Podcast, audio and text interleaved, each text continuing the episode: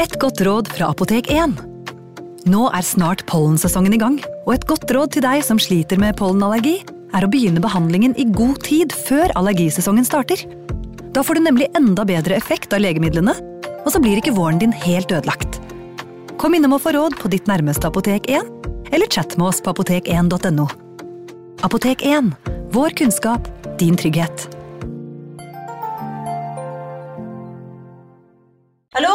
Jeg kommer fra Oslo politikammer. Ine Jansen er purk. Er du purk? The motherfucking bitch. Alt jeg vil, er å finne ut hva som skjedde med mannen min. Jon Carew. Er jeg sikta for noe? Iben Akeli. Det er du. Ole So, Lars Berrum og Big Daddy Karsten. Hvem sin side er du på, egentlig? Anette Hoff, Tone Danielsen, Kommer du fra Afrika? Jørnis Josef, Nesten. Kløfta. Trond Espen Seim, Det er synd å si det, men det var feil mann som døde. Purk. Premiere tirsdag på TV2 Play. Advarsel. I denne podkasten vil du høre historier basert på informasjon programlederne har funnet selv. Programlederne står ikke nødvendigvis inne for meninger og syn som fremstilles. Noen påstander kan avvike fra virkeligheten.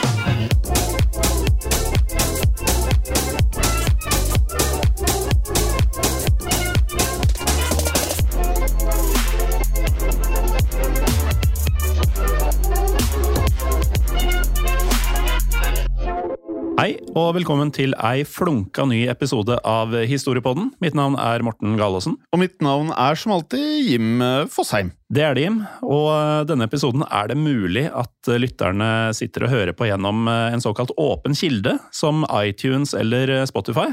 Og da får vi ofte spørsmål om hva som har skjedd eh, de foregående tre ukene. Ja, eh, og de foregående tre ukene så har det jo skjedd mye, Morten. Men eh, de har ikke skjedd på iTunes eller Spotify. Nettopp. De har skjedd et helt annet sted. Et helt annet sted. Et sted som vi egentlig har fortalt om ganske mange ganger på rad på iTunes og Spotify. Men vi kan jo nevne det igjen, at de ukentlige episodene hver eneste uke av både Historiepodden, Historiepodden VV2 og mange andre podkaster, de fins på Untold, Ja. som er en egen app. Det er en egen app, og det er jo litt avhengig av hvilken telefon, for de fleste bruker jo en telefon når du skal høre på podkast, eller i hvert fall så gjør jeg det. Eh, og jeg har en iPhone, så jeg bruker da AppStore. Da kan jeg laste ned eh, podkastappen Untold helt gratis, og så kan du abonnere med første 30 dagene eh, gratis. Ja, og for meg som bruker Android, så er det Google Play Store som gjelder. Eh, Men hvis man ikke vil bruke verken det ene eller det andre, så kan man gå inn på nettsiden, som er untold.app. Helt riktig, eh, fordi det er jo en app. Og ettersom dette er da første episoden i 2023 som da ikke er på Untold, så tenkte jeg å høre litt med deg hvordan eh, julen har vært. Jo, den har vært uh, aldeles utmerket, faktisk. Jeg uh, feira jo for første gang sammen med min ja, ikke så nye kjæreste lenger, Ja. og hennes familie. Ja. Eh, som jo var en um, ny og interessant opplevelse. Og deretter så dro jeg på en ukes ferie til Sør-Europa. Så Ja. jeg har uh, hatt det ordentlig fint. Hvor i Sør-Europa da? Jeg begynte i Nis, eh, helt sørøst i Frankrike, og avslutta med nyttårsaften og første nyttårsdag i Barcelona. Ja, nettopp. Ja, Mm. Det hørtes jo veldig deilig ut. da. Jeg har bare vært i Norge. Ja, og du har ikke hatt det så bra? Jo, jeg, jeg har hatt det bra, men det har vært veldig preget av uh, sykdom. Mm. Så jeg har drukket sånn her, eh, hostesaft. Uh, Kosilan. Ja. Og det jeg kanskje ikke da hadde um, fått med meg, var at man blir veldig trøtt av Kosilan. Ja. Og når man blir uh, trøtt, så eh, er det kanskje ikke optimalt når du skal være sosial i julen. Så jeg har egentlig ligget mye på sofaen og sovet litt og sett mye Netflix. Ja. Eh, Hadde jeg vært i dine sko eh, og tilbrakt mye tid på sofaen hjemme i juletida, Ja. så hadde jeg selvfølgelig sett på Olsenbanden i stedet for Netflix. Ja, nei, jeg har, eh, jeg har sett eh, ekstremt mye dårlig Netflix, ekstremt mye bra Netflix. Og så kan jeg også legge til at jeg har begynt å lese bøker. Oi!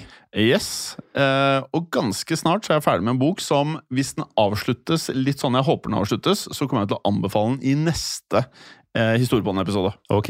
Ja, for det er litt sånn, den er enten kjempebra eller ikke.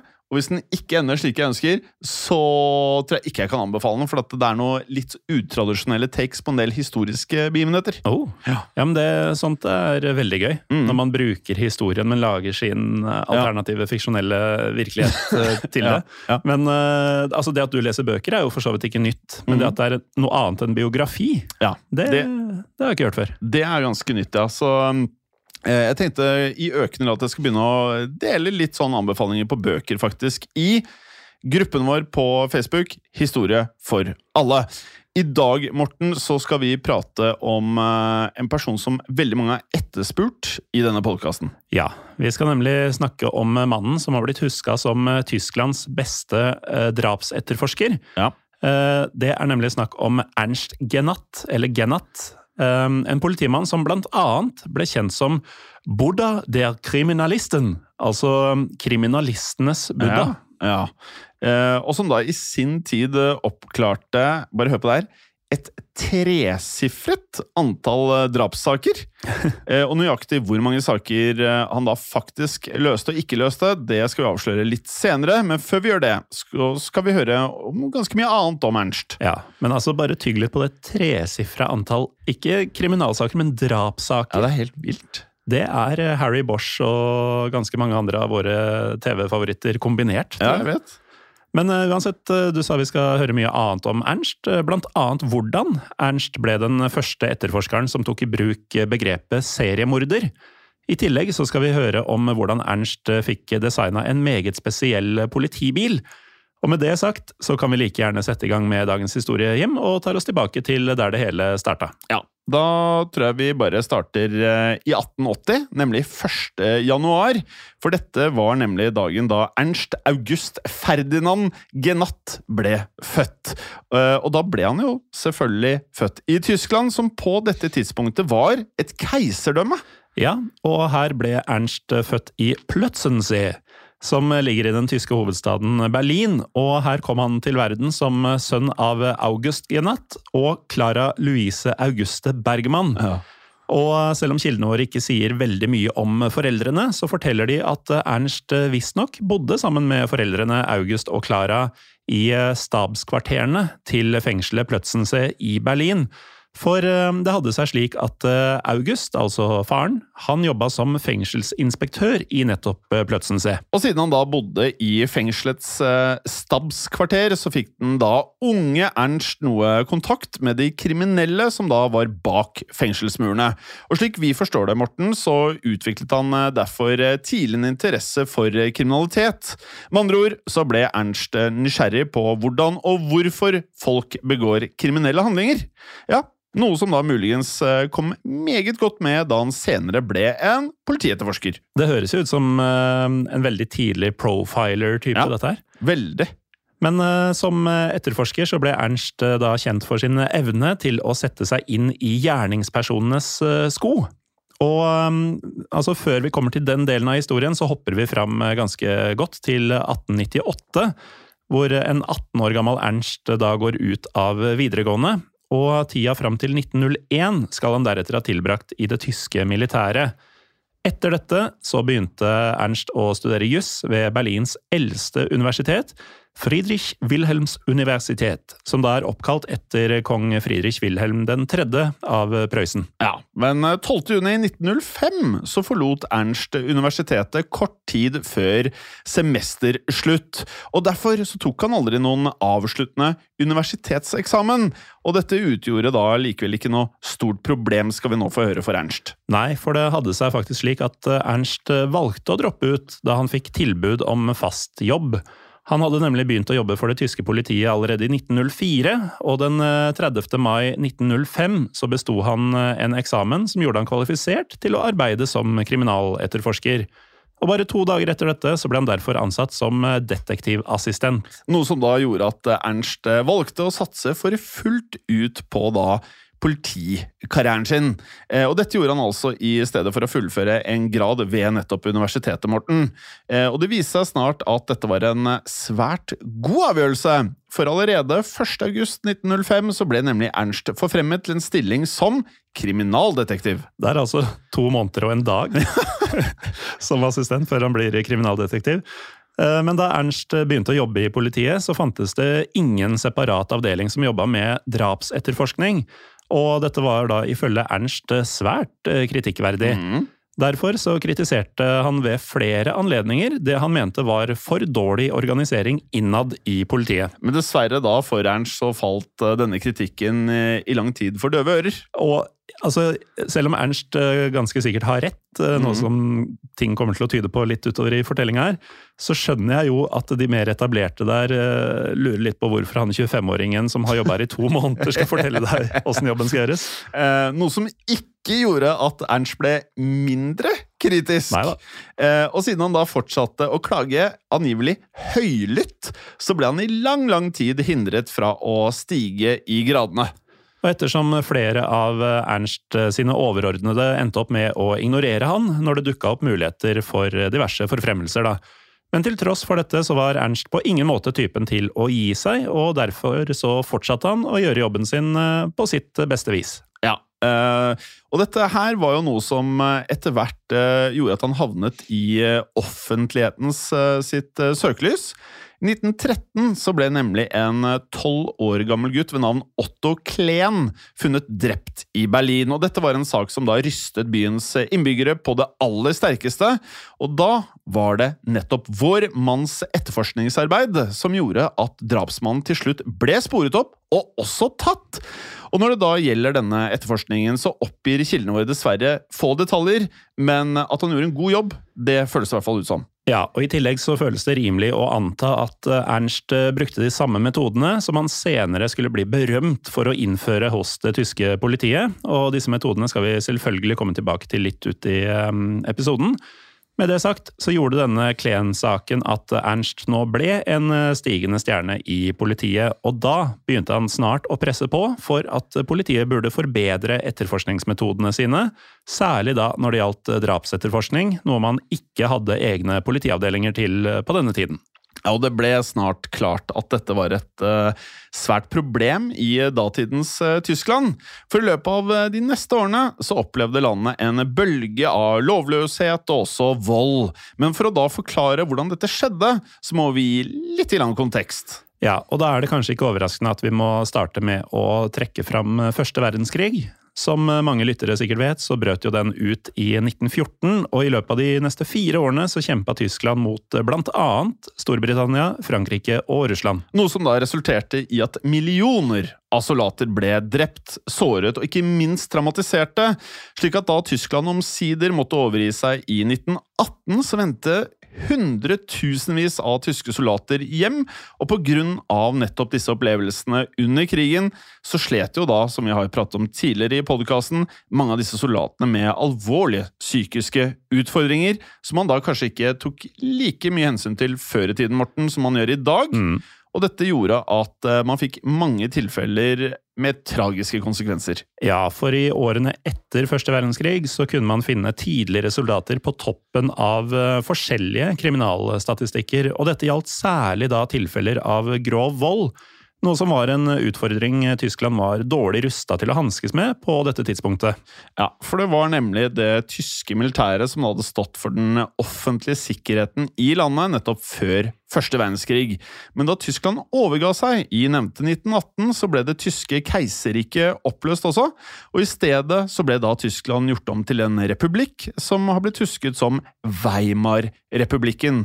Og grunnloven den ble vedtatt i byen da Weimar 1919, derav navnet. Ja, og som en følge av fredsoppgjøret etter første verdenskrig, så fikk ikke Tyskland lov til å ha en hær på mer enn 100 000 soldater, og det var jo langt mindre enn de 700 000 soldatene som utgjorde den tyske hæren i 1914. Um, til sammenligning så får du jo plass til nesten 100 000 på um, diverse fotballstadioner i Europa. Ja, det er eh, Og ikke bare i Europa, men vi har jo sett i Brasil, så er det jo plass til nesten en eh, kvart million. Ja, Altså to og en halv gang det antallet soldater Tyskland hadde Ja. lov til å ha. Ja, det er helt vanvittig. Eh, Og da antallet soldater ble redusert etter første verdenskrig, så overtok det tyske politiet ansvaret for den offentlige sikkerheten. Men som man kan da kanskje tenke seg til, så var en slik omorganisering langt fra enkel å gjennomføre. Noe som da ikke ble gjort eh, lettere på noen som helst måte av fattigdommen som da oppsto i Tyskland. Og i takt med at den økonomiske situasjonen ble ikke ble verre, men ekstremt dårlig, altså historisk dårlig, så skjøt kriminaliteten selvfølgelig også i været, lite overraskende. Og dermed fikk jo Ernst og kollegene hans veldig mye jobb å bryne seg på. Ja, da særlig i hovedstaden Berlin, der politiet fikk ansvaret for å holde styr på et omfattende område. For i 1920 så ble Berlins bygrenser utvida, sånn at byen utgjorde totalt 878 kvadratkilometer. Det er jo blant annet 400 ganger så stort som fyrstedømmet Monaco. Noe som da gjorde Berlin til datidens nest største by når det gjaldt eh, areal. Og sånn vi forstår det, så var det kun Los Angeles i USA som var større da i utstrekning. Og I tillegg så gjorde da de fire millioner innbyggerne at Berlin ble verdens tredje mest folkerike by etter New York og London. Ja, Og det er faktisk litt sprøtt å tenke på i dag, da. Ja, for fire millioner er ikke rare greiene på verdensbasis i våre dager. Nei, også at det er eh, byer i USA og Europa som dominerer. Ja. Det er jo det motsatte av hvordan det er i dag. Ja, virkelig. Mm. Um, uansett, da, takket være disse vanvittige økonomiske utfordringene, uh, som da første verdenskrig i all hovedsak hadde skapt, da, så levde et flertall av Berlins innbyggere ja, i fattigdom og under fattigdomsgrensen. Og dette Mm. kom blant annet til eh, uttrykk gjennom hvor mange mennesker som da sto uten bolig. Slik at i 1922 så var dette tallet på hele 150 000, og på toppen av dette skal enda flere mennesker ha vært arbeidsledige. Og dermed endte mange av Berlins innbyggere opp med å måtte livnære seg gjennom kriminalitet, og um, idet antallet kriminelle handlinger økte, så ble det hyppig begått både ran og diverse voldshandlinger, noe som ofte resulterte i drap. Med det sagt så kan vi rette blikket tilbake mot Ernst Genat. For som vi nevnte, så hadde han jo kritisert politiet for å mangle en egen avdeling for drapsetterforskning. Og idet kriminaliteten økte i løpet av 20-tallet, innsomsider flere av Ernst overordnede at han da hadde et ganske godt poeng. Ja, ikke minst ettersom flere tyske byer ble rammet av seriemordere. Og i jobben med å spore opp disse, så hadde Ernst vært en banebrytende skikkelse. For gjennom etterforskningsarbeidet sitt så bidro Ernst med å spore opp noen av Tysklands verste seriemordere, blant annet en gammel kjenning av historiepodden Jim, nemlig Peter Kurten. Ja, En eh, drapsmann som også huskes eh, under kallenavnet Düsseldorf-vampyren. Det har noe mørkt over seg, altså. Mørkt, ja! um, og dersom eh, noen av lytterne våre ønsker å høre mer om eh, Düsseldorf-vampyren, så har vi faktisk laget en egen episode, selvfølgelig, om Peter Kyrten. Ja, og denne episoden heter jo da selvfølgelig Düsseldorf-vampyren. Ja. Og ja, med det sagt så var det i forbindelse med nettopp Peter Kurten-saken at Ernst lanserte begrepet seriemorder for aller første gang.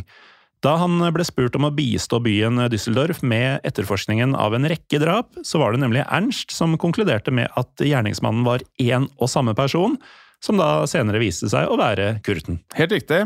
Og dette her ble da omtalt i en artikkel ved navn De Düsseldorfer Sexualverbrechen. Ja, noe sånn som de düsseldorfske seksualforbrytelsene. Ja, som da selvfølgelig omhandlet denne saken, og her beskrev Ernst eh, senere hvordan likhetene mellom drapene betydde at bare én gjerningsmann kunne stå bak. Og for oss i dag, Morten, så har jo alle både sett eh, Netflix-serier, filmer, hørt Mm. podkaster om seriemordere, men på denne tiden så var det en eh, ny tanke. Mm. At en og samme person kunne gjøre en rekke eh, overgrep eller drap. Ja, og at det da var eh, en systematisk greie, da. Ja, helt riktig. Og for å forklare dette, så ble Ernst angivelig den første etterforskeren, og dette er det jo mange som ikke er enig i, men mange mener jo det, eh, at han var den første etterforskeren som da brukte ordet serienmørder. Ja, Og det skjønner folk hva det betyr. Ja. Um, og det var ikke få uh, serienmørder i Tyskland. Og hvis du ikke vet hva det betyr, så må du høre mer historie på den. Mer historie på den WW2. Ja, det er sant. Da lærer du litt sånn tyske gloser. Ja, på sett og vis. Ja. Vi gjør i hvert fall det. Men uh, det var, det var ikke rent få seriemordere i Tyskland på denne tiden, for uh, Kurten, eller Düsseldorf-vampyren, han var ikke den eneste seriemorderen som Ernst jobba med å fange. Han arbeida f.eks. også med å fange den notoriske drapsmannen Fritz Harman. Ja, Som da herjet i byen Hanofa mellom 1918 og 1925. Og her ble jo da Harman kjent under flere navn, blant annet Der Vampir von Hannover, Der Schlechter von Hanofa, Der Kannibale von Hanofa, og Der Werwolf Litt overraskende. Von Hannover. Ja, jeg tenkte jo først, eh, og, og dette også er jo ting som vi ikke trenger å si hva betyr på norsk, Nei. håper jeg. Eh, Men jeg tenkte jo først da du sa der eh, vampyr von Hanover, at det var en sånn dårlig etterligning. Men så dro han ganske bra på, da. Ja, med å bli både slakter, kannibal og varulv. Ja. Men Der Werwolf von Hannover det, Jeg skjønner jo at det kan eh, stå på forsider av aviser at du selger, eh, selger. Ja, og det kunne det gjort i dag, men eh, for 100 år siden, da, som dette er, så var det jo ikke nødvendig med clickbait og sånn, fordi folk kjøpte jo den papiravisa uansett. Men det er jo klart at du, du fikk litt ekstra opplag. Når, Det er på mange måter litt synd med sosiale medier. Mm. Mye sånn mystikk forsvinner litt. og Nå skal folk liksom eh, Ja, det er så mye meninger fra eller til, men på den tiden her så var det liksom sånn Ting ble ofte legendarisk, men kanskje på mange måter bra at det ikke er sånn lenger også. ja, det er nok mye bra med det òg. Men uten at vi skal gå i for store detalj rundt eh, forbrytelsene, så kan jeg fortelle at eh, Harman, altså denne vampyren, slakteren, kannibalen eller varulven, han fikk disse navnene ettersom han ofte beit ofrene sine i strupa, før han deretter spiste flere av kroppsdelene deres. Samtidig så skal eh, Harman ha solgt andre kroppsdeler, altså de han ikke spiste, på lokale kjøttmarkeder i Hanover. Begynner å forstå hvor alle disse kallenavnene faktisk eh, kommer fra. da. Jeg syns de fleste av dem passa inn i det, de to tinga jeg fortalte der. Helt enig, men eh, da har man herjet i byen, så klarte ikke politiet Hanover å komme til bunns i saken. Og derfor bestemte Hanover-politiet seg for å ta kontakt med Ernst og Berlin-politiet. Og det var til slutt med etterforskningshjelp fra Ernst at uh, Harman ble sporet opp. Men likevel var ikke Ernst til stede under selve pågripelsen. Nei, en pågripelse som fant sted i 1925. Eh, Sånn vi forstår det, så var det to politimenn fra Ernsts eh, politiavdeling i Berlin som til slutt fanga Harman. Eh, Kildene våre oppgir ikke disse politimennene ved navn, men de forteller at pågripelsen skjedde da politimennene så Harman krangle med en 15 år gammel gutt ved navn Carl From. Og da Carl ba disse politimennene om hjelp, så fortalte han at han hadde bodd hos Harman i fire dager. Ja, I tillegg så fortalte Carl at eh, Harman hadde truet ham med kniv, og dermed så ble Harman pågrepet. Og da han ble eh, pågrepet, så skulle ransake leiligheten hans, og her fant politiet en rekke blodflekker. Og på toppen av dette igjen så ble det snart også funnet flere kroppsdeler, noe som da gjorde at Harman ble avslørt som en eh, seriemorder. Ja, og seriemorder er ikke å ta for hardt i, for Harman ble til slutt funnet skyldig i 24 drap. Men i realiteten så kan jo dette tallet ha vært langt høyere, for selv så hevdet Harman å ha myrda mellom 50 og 70 mennesker.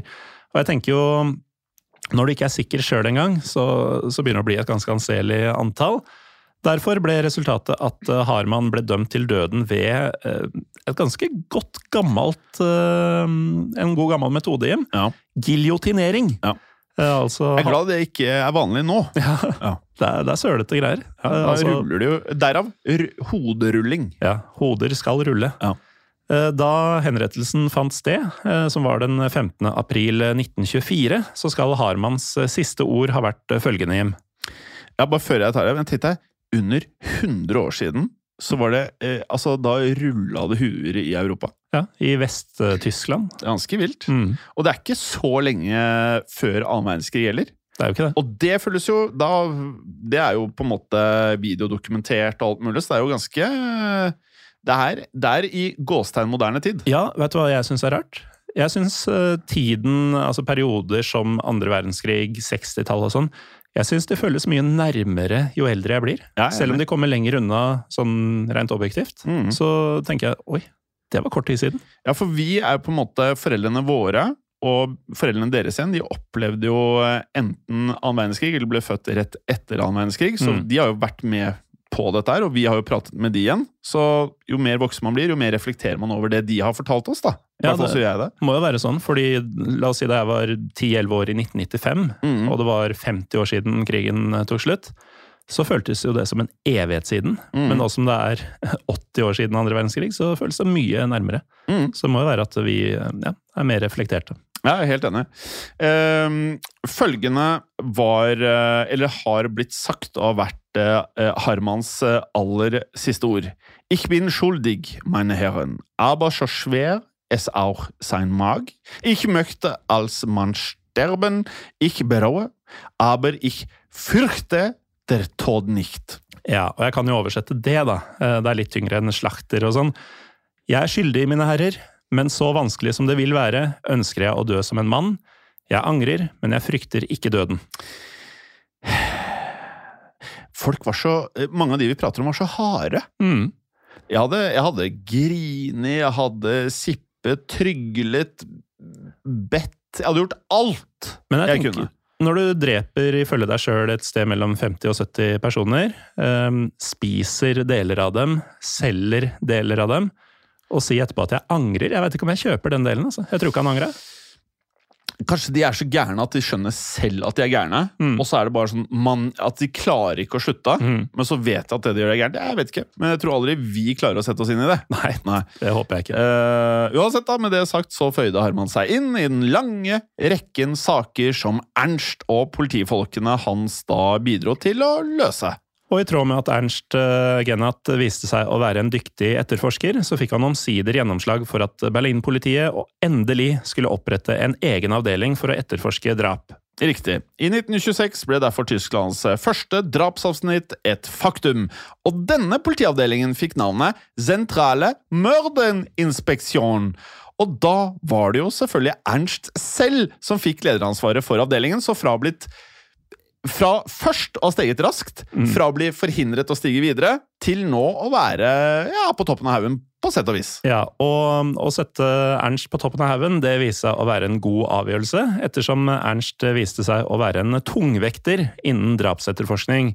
Og Derfor skulle han snart få sjansen til å spre metodene han hadde brukt i forskjellige vellykka drapsetterforskninger, noe vi skal høre mer om etter en liten pause. Ja, og Da skal vi også høre om hvorfor ordet tungvekter kunne brukes på bokstavelig vis, eh, Morten, om vår mann. For det var ikke bare slik at Ernst ble kjent som en briljant etterforsker. Han ble nemlig også kjent for å være en fysisk eh, stor mann som du kanskje kjenner deg igjen i. Svær. Sværere! Eh, mer om dette om få øyeblikk. Velkommen tilbake. Før pausen så nevnte vi at Ernst ikke bare var en dyktig etterforsker, han var også kjent for å være en kraftig mann. For eh, sånn vi har forstått det, så var han intet mindre enn 130 kilo tung. Hvor eh, tung er du, Morten? Jeg er jo over 100, Ja. men jeg er også over to meter høy, så jeg tror ikke BMI-messig at det er så ille. Men er du på 102-3, liksom, eller er du på over 110? Jeg tipper jeg er et sted mellom 105 og 110, men jeg veier okay. meg jo aldri, da. Nei, fordi det er jo litt sjokkerende, for jeg er ett hode eller halvannet hode lavere enn deg, og jeg er også over 100. Mm. Det, er, det er ikke så bra. Nei, men du, du trener jo mer enn meg. Altså, du Men, men det, det jeg prøvde å komme frem til, jeg er nærmere Uh, vår mann i kroppsfasong uh, høres ut som enn deg. Fordi du, du veier mer enn meg og er en, et stort menneske, Mm. men jeg er et stort menneske av feil grunner, føler jeg. Det er ikke høyden. Men du er jo fortsatt 20-25 kilo mindre Ja enn ja. Ernst, da. Ja. Som, men uh, uansett, uh, 130 kilo er, det er jo svært, og folk var jo kortere på den tiden. Mm. Men uh, denne vekta skyldtes annet at eh, Ernst hadde en forkjærlighet for det man på tysk kaller sanetote. Som rett og slett er kremterter eller kremkaker. Så på daglig basis skal han derfor ha spist en rekke sanetorte, som han gjerne da skylte ned med portvin. Uh, og takket være størrelsen sin så fikk Ernst uh, snart uh, flere forskjellige kallenavn. Han ble eksempel kjent som Der Dikke, som da ikke er det jeg trodde det var. Det er nemlig den tykke. Og så ble han kjent som Der Wolle Ernst, altså den fulle Ernst. Og ikke minst Buddha, det er kriminalisten. Altså kriminalistenes buddha for buddha-statuer. Vi har jo faktisk, ja, ikke dette studio, men i YouTube-studio her på Moderne Media så har vi jo en buddha-statue. Og der kan man jo se hvor denne referansen kommer fra. For eh, buddha-statuen den har jo faktisk en mage som er større enn våres. Ja, altså i, Sånn i forhold til dimensjonene, da, vel å merke. Da veit jeg ikke om det fantes eh, noe særlig med tyske kremkaker på, mm, på Buddhas tid, i hvert fall ikke der Buddha levde.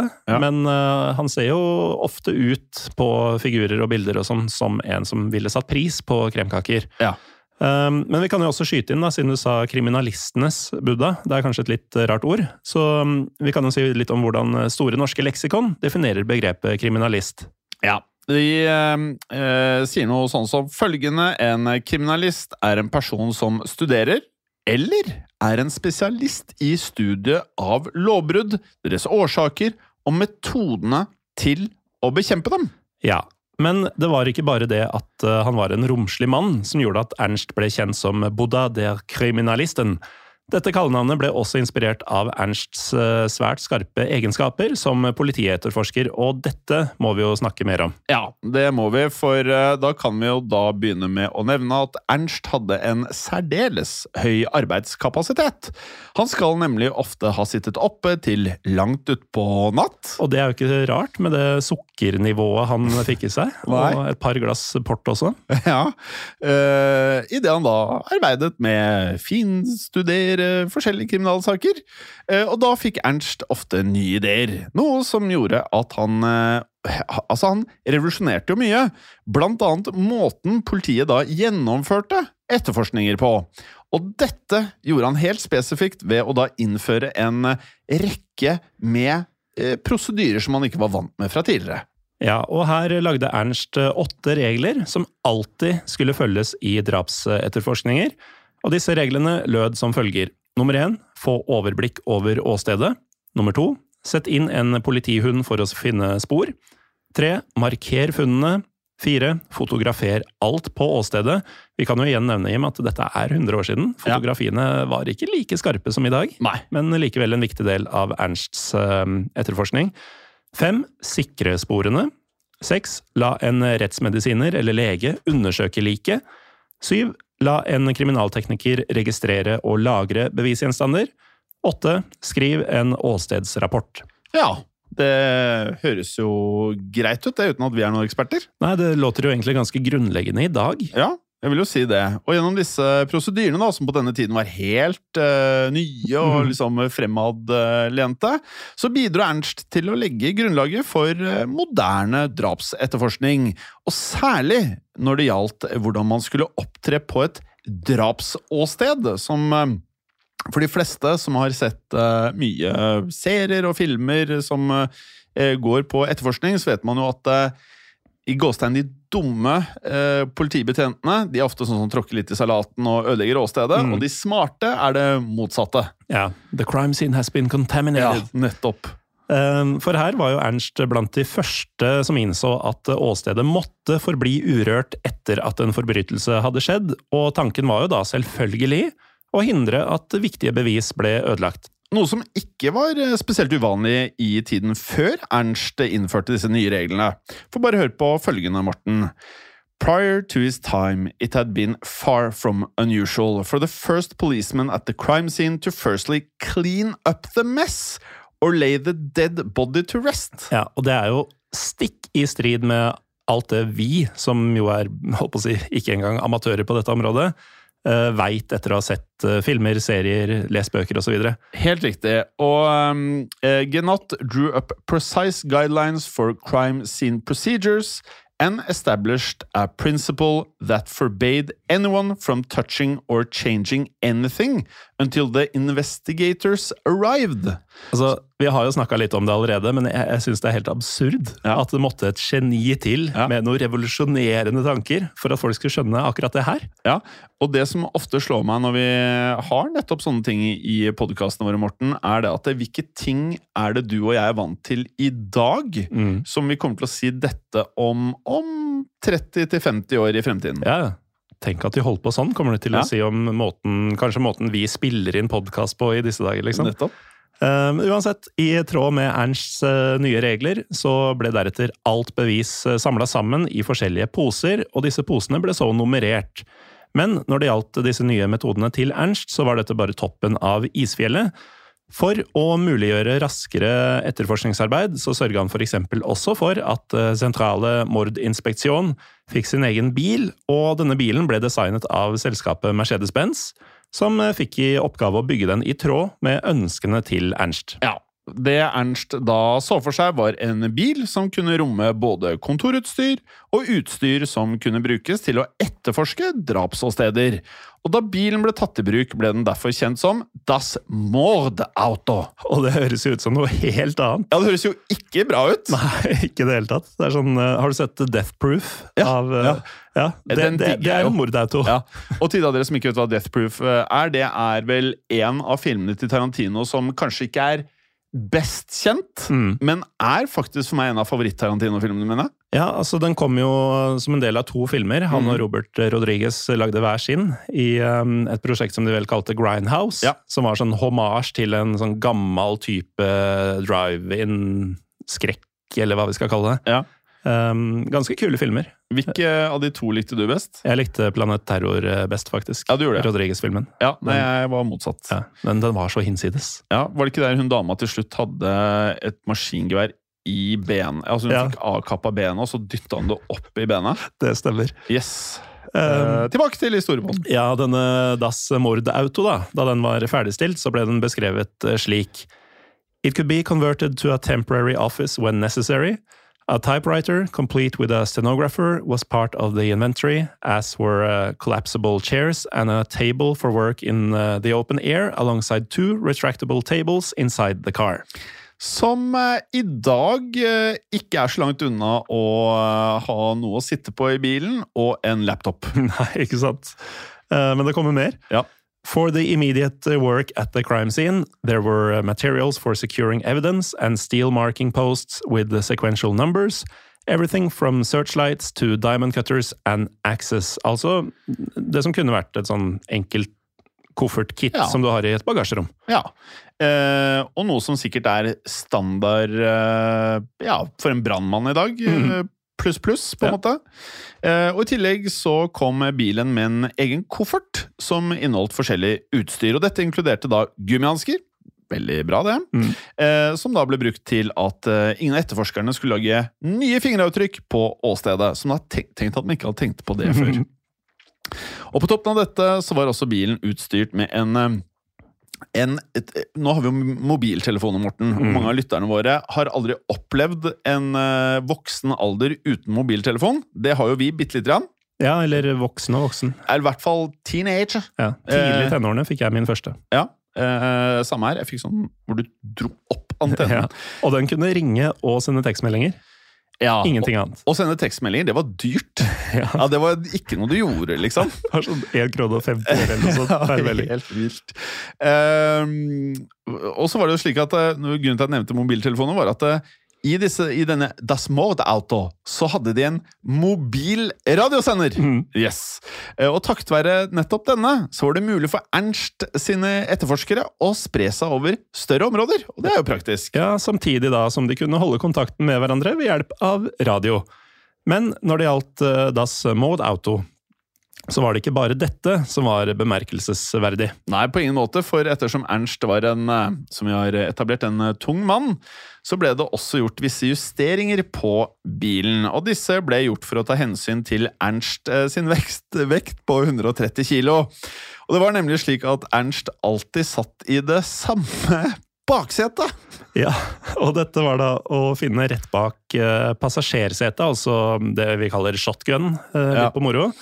Um, dette spesifikke baksetet sørga derfor Ernst for å få modifisert, og denne modifikasjonen har blitt eh, forklart eh, slik.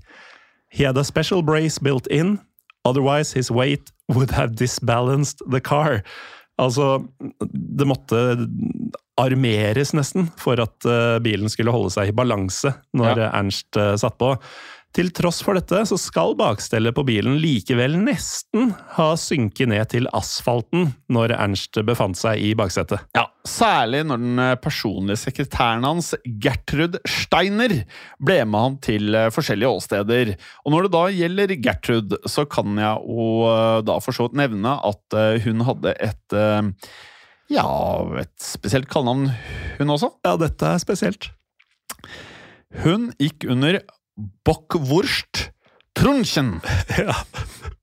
Og bockwurst er jo en slags pølse, så bockwurst-trunchen, det skal da, så vidt vi har skjønt, bety noe sånt som kjempende pølsekvinne.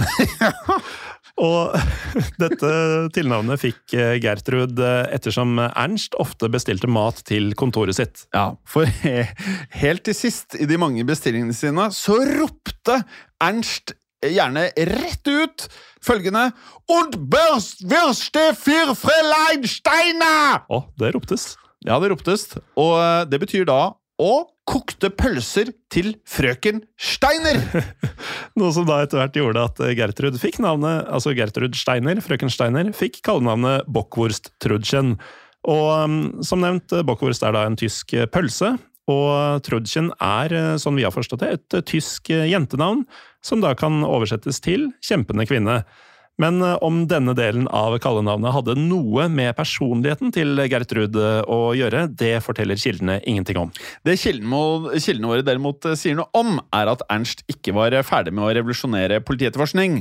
For Ernst han kom nemlig opp med mange nyvinninger. Blant annet så opprettet han et sentralisert filsystem for drapssaker. Um, vi har funnet uh, dette termet blitt brukt også i uh, den engelske tale, og der er det referert til som a death investigation card file. Ja, og gjennom dette så kunne politiet omhyggelig dokumentere hvert eneste registrerte dødsfall, til og med utenfor Berlin. Og dermed så satt Ernst sitt eh, sentrale mordinspeksjon på et lager av informasjon som var uten sidestykke. Ja, og dette var kjempeviktig, for takket være dette så var avdelingen nå i stand til å raskt rekonstruere tidligere drapssaker. Og dermed kunne man nå veldig raskt avgjøre hvorvidt nye drap hadde likhetstrekk med gamle saker. Og dette her må vi jo si, Morten, er revolusjonerende. Det er det. Um, om andre ord da så kunne nå etterforskerne finne mønstre mellom forskjellige saker, noe som blant annet gjorde nå for første gang mulig å spore opp seriemordere. Ja, og um, dette viser seg da å være en enormt vellykka avdeling etter hvert, altså denne sentrale mordinspeksjonen, og det er jo takket være Ernst sine metoder. Bare i 1928, og her må vi huske at her er avdelinga fortsatt ung, bare eksistert i et par år, så klarte avdelinga å løse hele 39 av de totalt 40 drapene som ble registrert i Berlin dette året. Det er rimelig høy eh, oppklaringsrate. Ja, og idet vi hopper frem til 1931, så kan vi også fortelle at uh, avdelingen da løste og Dette er helt vilt, uh, uten at jeg kjenner statistikk for andre avdelinger. Men de løste da 104 av 114 saker det året. Og nå vet ikke jeg, Morten, hvor mye som løses i dag. Nei, altså vi har jo vært inne på dette med teknologiske framskritt i dag, og man vil jo tro at uh, dagens eh, etterforskere har det lettere. Men uh, altså hvis vi da sier i løpet av 1930-tallet, så er, endte Ernst sitt drapsavsnitt opp med å løse 94,7% av alle sakene sine. Altså, det er jo si 18 av 20 eller noe sånt, det er jo helt mhm. vanvittige tall. Til sammenligning, da, så løser moderne politietterforskere ofte mellom 85 og 95% Altså han lå helt oppunder 95. I dag så kan du være 10% dårligere. Ja, for det er jo poenget, for i motsetning til dagens etterforskere, da, så kunne ikke Ernst benytte seg av f.eks. DNA-bevis. Og derfor så står arbeidet hans igjen som uh, veldig, veldig imponerende og veldig viktig for hvordan vi gjør ting i dag. Ja, men eh, det var ikke bare de tekniske metodene hans som gjorde Ernst til Tysklands beste drapsetterforsker.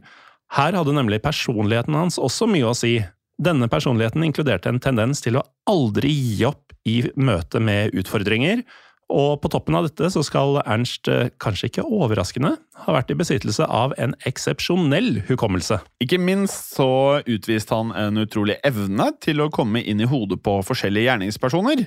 Og når det da gjaldt dette, så ble han derfor en pioner innenfor det som i dag kalles psychological Profiling! Ja, og vi nevnte jo tidlig at uh, dette er en tidlig profiler. Ja. Uh, der er vi jo virkelig inne på noe. Og vi har også nevnt mange ganger opp gjennom uh, serien Mindhunter. Ja. Den må folk se. Ja, den er altså, ja, den er fantastisk. Det må komme mer! Mm. Ja. Det må det. Men denne fremgangsmåten, denne psychological profiling, den har blitt beskrevet som a method of uh, suspect identification which seeks to identify a person's mental, emotional and personality characteristics based on things done or left at the crime scene. Ja, og da var en av Ernst eh, aller fremste metoder å avhøre mistenkte ansikt til ansikt, og dette mente han måtte gjøres uten fysisk tvang, selvfølgelig. Ja, og datidens politi de eh, hadde ikke vært fremmed for å ta fysisk tvang i bruk, men under Ernst så ble det en stopper på slike metoder. I stedet ga han ordre om at mistenkte personer skulle møtes med en langt vennligere tilnærming. Ja, Under avhør så uttalte Ernst derfor følgende til forskjellige mistenkte. Sie sollten keine Angst von uns haben. Wir sind nette Leute.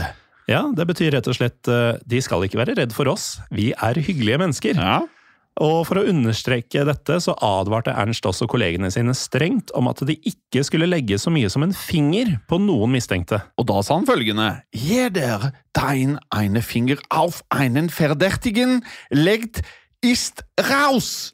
Unsere Waffen sind Gehirn und Nerven. Ja, den som legger en finger på en mistenkt er ute. Våre våpen er hjerner og nerver. Eh, og Derfor så var Ernst eh, som oftest eh, svært selektiv når det gjaldt hvilke politibetjenter han ansatte i sentrale mordinspeksjon, og det liker jeg veldig godt. Mm. for Ernst så var det særlig viktig at disse utviste det han kalte kritisches Urtel og tiefes Beforstein, som da betyr kritisk eh, dømmekraft og dyp ansvarsfølelse. Merker at toneleiet ditt blir veldig annerledes på norsk og tysk. Men det ordet her Ja, det var langt. Det eh, Sånn det er skrevet på tysk, så bare Det blir bare sånn. Ferrat Verantwortungsbewusstsein sein. Uansett, eh, når det gjaldt eh, dette, så mente Ernst at det beste var å ansette veteraner som tidligere også hadde jobbet med drapssaker. Ja, og disse organiserte han så inn i tre forskjellige team som da jobbet i forskjellige skift, og på denne måten så hadde Sentrale mordinspeksjon alltid noen etterforskere på vakt, og det var viktig, for slik så kunne man da rykke ut til et nytt åsted når som helst på eh, døgnets tider. Ja, noe som gjorde at eh, Ernst sine folk eh, ofte sikra seg rykende ferske spor som kunne brukes til å spore opp eh, forskjellige gjerningspersoner, og da var det ikke sjelden at Ernst deltok personlig i etterforskninga. Dette her høres jo litt sånn Jeg kunne Jeg syns det høres litt interessant ut å være med å finne sånne clues, altså. Mm. Ja, jeg synes det. For i løpet av det som til slutt ble en lang karriere, Morten, hele 35 år lang, så skal Ernst ha løst Hør på dette her. Vi sa jo at det var tresifret, men eh, det er Jeg tenkte sånn eh, Når vi først eh, hørte om Ernst Genat, så tenkte jeg sånn Ja, rett over 100. Mm. Men han skal ha løst totalt 298 kriminalsaker. Vi må runde opp til 300, syns jeg. Ja. Ja. Ja, fordi det kan jo være et par sånne småting som man aldri fikk skrive inn i bøkene, eller noe sånt. Eh, Men samtidig som antallet arresterte gjerningspersoner gikk opp, så gikk det ned med helsa til Ernst, eh, både fysisk og ikke minst eh, psykisk. ja, for ettersom eh, han da var en eh, sterk tilhenger av eh, demokratiet, så ble Ernst eh, visstnok eh, dypt skuffet da Adolf Hitler og nazistene kom til makten i Tyskland. Ja, og det veit jo alle som har hørt på historiepodden andre verdenskrig, eh, at skjedde i 1933, og i løpet av de neste årene så ble Tyskland omforma til et eh, nazidiktatur, noe som gjorde at eh, sentrale mordinspeksjon mista noe av viktigheten sin.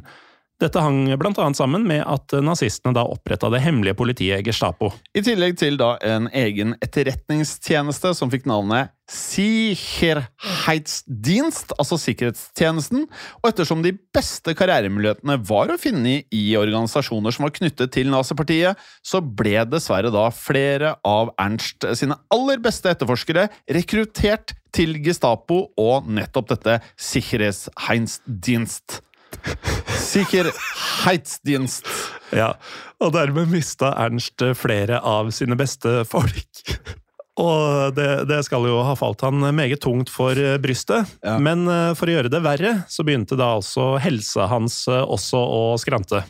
Ja, for med årene så hadde ikke appetitten til eh, Ernst eh, for kremkaker blitt mindre. Idet 30-tallet gikk i gang, så begynte nemlig Ernst å nærme seg en vekt på 150 kilo. Noe som gjorde at Ernst eh, fort ble utmattet, og de gangene han da forsøkte å ta seg ut i felten med Das Mordauto, som har dette eh, spesiallagde setet, så ble det ikke enklere.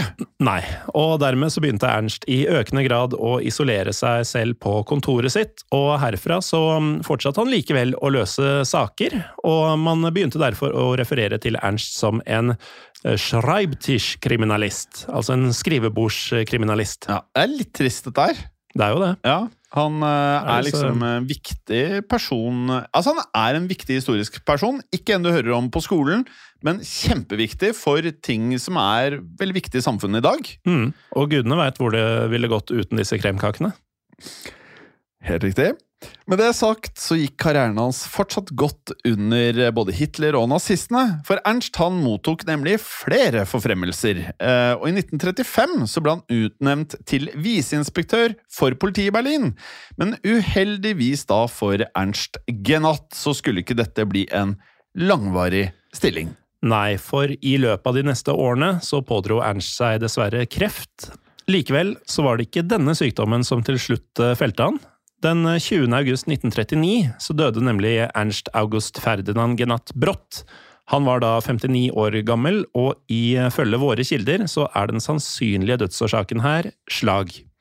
Noe som da gjorde dette dødsfallet hans kanskje enda mer tragisk, var det faktum at Ernst hadde giftet seg kort tid før han døde, og kona hans var da en kriminalinspektør ved navn Elfride Dinga.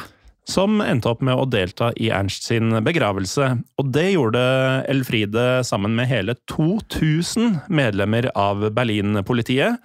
Noe som på mange måter illustrerer Ernsts eh, status som eh, Tysklands kanskje beste politimann gjennom tidene. Ja, Med det sagt så er vi da kommet til slutten her i dag. Jeg må jo si jeg er dypt fascinert, Morten. Dypt fascinert og imponert. Veldig imponert. Eh, og du vet jo liksom sånn eh, Man har jo opp gjennom årene, jo eldre man er, så har man sikkert erfart flere og flere arbeidsplasser og måter å jobbe på som er veldig eh, standardiserte. Mm. Og så krever det visse mennesker som er villige til å bryte med standardene, og som tør å stikke hodet frem. Og jeg tror det bare blir vanskeligere og vanskeligere, for det er eh, sånn som i dag, så har du sosiale medier, og du har veldig mange som er eh, opptatt av å si at ting er galt, hvis de ikke er enig med det selv. Mm. Jeg er helt enig. Eh, Men for de som har fått eh, mersmak på Ernst Genat, så er det faktisk et par filmer. De er riktignok eh, veldig gamle. eh, Tyske filmer fra Ernst sin egen levetid. Eh, Disse filmene heter eh, M, eh, og det er også en som heter Doktor Mabuses testamente. Disse er regna som klassikere innafor sjangerne krim og thriller, og i begge så dukker det opp politiinspektører inspirert av Ernst Genatt. Jeg ønsker også å trekke frem noe som er eh, laget i nyere tid. Ja, for det er jo litt mer tilgjengelig. Ja. Eh, tidligere lå det på NRK nett-TV. Mm. Eh, hvis det ikke ligger der lenger, så kan jo folk eh, dele link, kanskje, i eh, Facebook-gruppen vår Historie for alle. Det er lurt. Det er lurt. Og det er nemlig Babylon Berlin, Mm. som jeg anbefalte alle på kontoret etter jeg hadde sett både sesong én, så anbefalte alle den gang, og det samme etter sesong to. Det er fantastisk laget. Folk prater jo da tysk her. Mm. Eh, men scenografien, skuespillerne, troverdigheten her er fantastisk høy. Og av og til så får jeg litt sånn Tarantino-vibber av måten serien er bygd opp på. Det her skal jeg se. Det er kjempebra. Den er fra 2017, hvis jeg ikke husker eh, helt feil. Og hovedpersonen er da en politiinspektør ved navn Gerion Ratt. Og jeg har forstått det sånn at eh, fra og med sesong to så dukker Ernst Genat eh, opp eh, titt og ofte som en bikarakter. Og det tenkte jo ikke jeg over når jeg så det den gang. Nei. Men derfor har jeg lyst til å se det på nytt, nettopp av denne grunn. For det er kjempebra, altså. Det er en Mm. fantastisk bra serie. Jeg tror deg, Jim. Og um, med det så anbefaler jeg den serien usett, eh, både til meg sjøl og til eh, de som eh, hører på. Ja. Vi har jo nevnt eh, Facebook-gruppa vår. Ja. Vi har nevnt at eh, de resterende episodene av eh, Historiepodden og veldig mange andre podkaster finnes på Untold. Ja. Da er det vel egentlig bare å si at eh, dette har skjedd. og det kan skje igjen. Ha det. Ha det bra. Historiepodden ønsker å takke følgende. Dere som hjelper oss som sitter i produksjonen. Dere som hjelper oss og sitter i redaksjonen, inkludert eh, tekstforfattere. Det er helt riktig. Og dere som sitter på marked, som faktisk da gir oss muligheten til å drive med Historiepodden. Og selvfølgelig alle dere som hører på. Tusen takk. Moderne media. Har du et enkeltpersonforetak eller en liten bedrift? Da er du sikkert lei av å høre meg snakke om hvor enkelt det er med kvitteringer og bilag i fiken, så vi eh, gir oss her, vi. Fordi vi liker enkelt. Fiken superenkelt regnskap. Hei, og takk for at du lytter til Historiepodden. Skulle du ønske at du kunne høre en ny episode av Historiepodden hver eneste uke? Vel, da er det én ting å gjøre. Da kan du laste ned podkastappen Untold med det samme. For i tillegg til ukentlige episoder av podkaster som Historiepodden andre verdenskrig, Henrettelsespodden og også Gangsterpodden, så får du masse annet reklamefritt og også eksklusivt innhold. Last ned Untold i AppStore eller Google Play og start din 30 dagers gratis prøveperiode allerede i dag.